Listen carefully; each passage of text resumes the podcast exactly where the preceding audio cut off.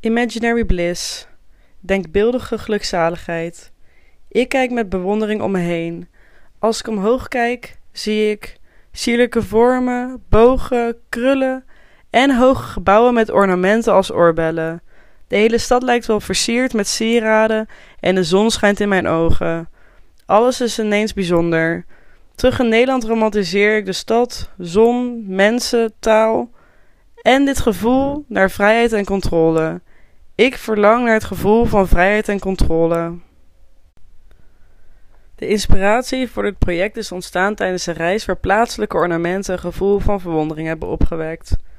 In het werk zie je de schoonheid van het spontane samenkomen met waar geprobeerd is het materiaal te controleren.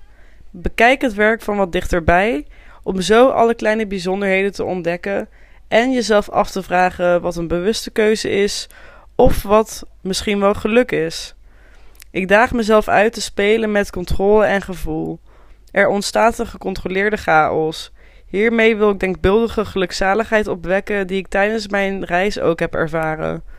Ik ga dialoog aan met de eigenschappen van het materiaal en het maakproces. Ik bevraag de verhouding en reactie die de materialen tot elkaar hebben. In hoeverre heb je controle? Of is er controle over mij?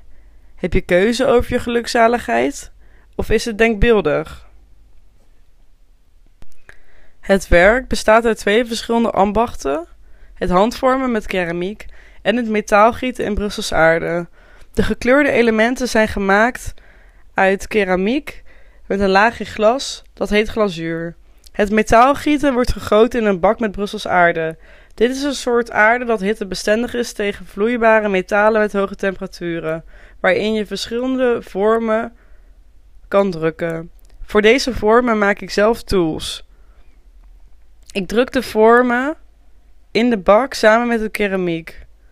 Dit is een intuïtief proces waarvan ik van tevoren het eindresultaat niet kan voorspellen. Ik giet het metaal over de vormen heen en geef me over aan het vloeibare metaal. Het keramiek reageert op de hitte van de vloeibare massa.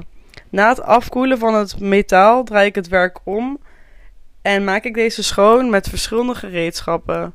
Het eindresultaat is altijd super spannend en verrassend.